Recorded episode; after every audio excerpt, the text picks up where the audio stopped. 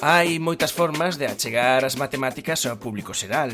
Pode ser dando charlas nos bares, facendo conferencias, facendo ciclos de mate con chocolates, pero ainda se poden inventar moitas máis. Elena, moi boas noites. Boas noites. Elena Vázquez Abal é profesora de matemáticas da Universidade de Santiago e é divulgadora tamén das matemáticas. E agora vos liastes un novo xeito de facer chegar as mates a todos os lugares do mundo e a todas as persoas. Pois sí, hai que poñerse o día coa tecnoloxía, entón estamos a traballar nun videoxogo que vai a traballar sobre pantalla grande, sobre ordenador ou sobre tablet, que non ten instalación e aparte é gratuito. Este é Madges, o xogo de estrategia onde o coñecemento é a túa arma. Por que o coñecemento é a túa arma? Pois como o nome indica, MathHex é unha combinación de Hex, un xogo que é simplemente de estrategia, con Math que combina cos conocementos matemáticos.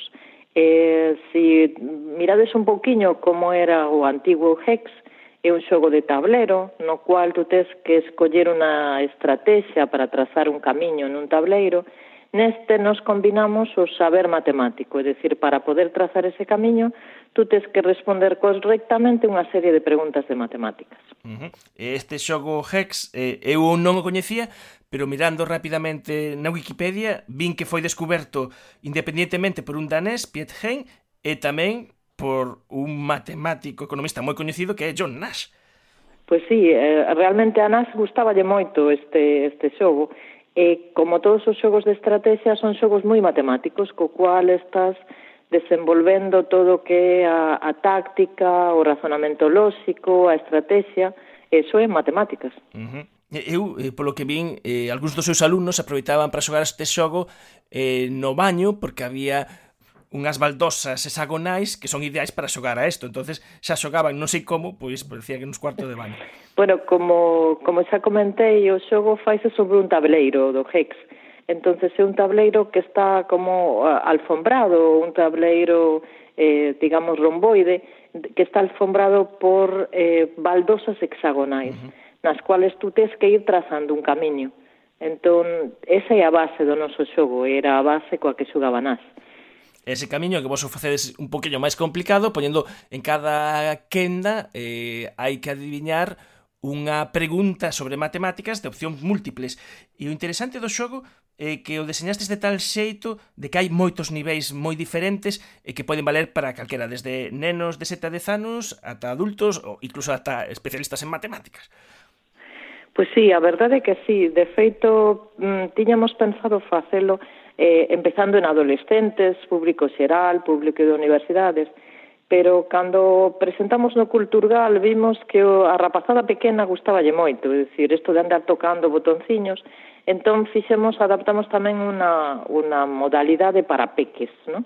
Son preguntas moi sinxelas, onde eles poden ir xogando e empezar a meterse no mundo das matemáticas. Xa te digo, despois temos moitos niveles, niveles combinados, eh, algo que nos parece moi interesante en que todos eles, incluso de peques, introducimos preguntas donde aparecen mulleres matemáticas, datos sobre mulleres matemáticas, que para que a xente lle vaya, no, lle vaya sonando os nomes de mulleres que foron importantes na ciencia e nas matemáticas, incluso nos pequeniños. E, e as preguntas de onde as sacaste? Son preguntas da vosa invención ou as quitaches de algún lado? Bueno, pois temos de todo. Temos preguntas da nosa invención, preguntas un pouco simpáticas, porque ademais o xogo que ten é cando tú contestas ou ben acertas ou non, se acertas, pois dache unha resposta onde che pode dar ánimo ou che fai algún comentario, e se non acertas non che dá a resposta, pero dache suxerencias ou se mete contigo, claro, porque o xogo tamén é para xogar. Entón, eh, utilizamos tamén preguntas do, do calendario matemático que se fai en México, un reto diario eh, a que temos que agradecerlle a Mila Bulajitz e a Alberro de México. Gracias a elas tamén está entrando, te está tendo difusión en, en ese país. Tamén a Marta Macho, que donde estamos quitando moitas das preguntas relativas a mulleres, a, no seu blog de Muller, Mujeres Conciencia aparecen pois, montones de cousas sobre matemáticas a Cátedra de Cultura Científica da Universidade do País Vasco, tamén a, a Raúl Ibáñez, que na páxina de Divulgamat da Real Sociedade Matemática Española pois sempre aparecen curiosidades que nos incluímos aquí, e tamén a xente de Galicia que está a traballar nas aulas no, cos seus alumnos e co alumnado, que, por exemplo, a José Tomás Díaz Teijo, a, Tere, a Teresa Otero Suárez, a Alicia Pedreira Mengoti e a Covadonga Rodríguez Moldes, que nos cederon moitas das preguntas coas que eles tamén xogan as clases. Eh, preguntas que ademais tedes en mente poñer tamén un modo aberto para os profesores para que eles poidan poñer as preguntas que queren facer os seus alumnos. Pois sí, realmente ahora neste momento os modos de xogo son co mesmo ordenador estén xogando dúas persoas, pero xa temos robots que poden xogar contra ti, é decir, podes xa xogar contra robots máis listos e máis tontos, É algo que a xente lle interesa moito e como isto é unha base de preguntas, eh, tratar de darlle código ao profesorado para que poda introducir as súas propias preguntas e eh, que os seus alumnos solamente resposten a eso, facer como un examen xogo ou pseudoexamen nas propias aulas. Simplemente meterse nesas preguntas e o alumnado pode xogar con elas. E a ventaxa que ten isto que o mellor tamén poden poñer preguntas que non sexan de matemáticas. Evidentemente, é dicir, esta é unha plataforma que o único que necesita é o cambio das preguntas. Dicir, a plataforma pode ser xeral para calquera e convertirse, pois, eh, nun matfis, nun biohex, nun quimihex, no que se queira, incluso preguntas de literatura, de xeografía, O único que hai que facer é alterar a base de preguntas. Uh -huh. eh, Mathex, eh, o realizades con financiamento da FECIT, que é a Fundación Española para a Ciencia e Tecnoloxía, e tamén da vosa propia Universidade de Santiago.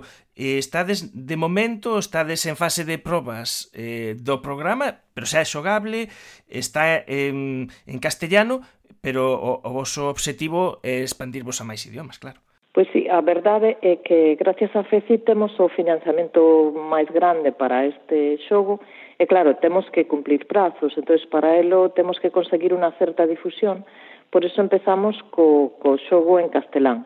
Estamos de feito meténdonos, intentando meternos no público, todo o público de Hispanoamérica.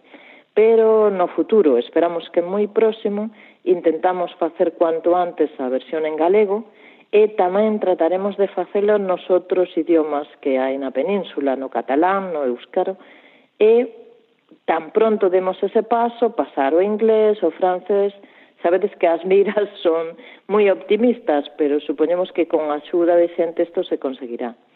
Este é un traballo en equipo eh, do Grupo de Innovación Docente en Xeometría da Universidade de Santiago, no que está Elena Vázquez Abal, con quen estamos a falar, José Carlos Díaz Ramos, Esteban Calviño Luzau e eh, Víctor San Martín López. Eh, a verdade é que estas cousas sempre dan máis traballo do que parecen nun, nun momento inicial, verdad? Sí, a verdade é que sí. O sea, eh, ao principio pensábamos que o feito de facer as preguntas sería o traballo forte, máis que nada por escoller o tipo de preguntas, é dicir, algo que non aburra, que, que teña opcións de resposta, porque a resposta é de, de opción múltiple, despois devolverlle o, a persona que este xogando pois un mensaxe pois que o anime, que o divirta, que lle tome un poquinho pelo, pero a maiores estamos vendo que é complicado valorar o tempo de resposta.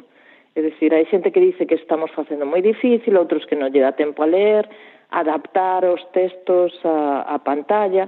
De feito, ao principio estaba saindo para móviles, pero xa nos dimos de conta de que é imposible, é dicir, un xogo no cual tes que estar pendiente, donde ao mellor necesitas un, un lápiz para facer unha pequena conta, non ten sentido ninguno facelo en móviles, porque a, a pantalla fai que os enunciados das preguntas terían que ser moi pequenas, co cual limitaríamos moito as cousas.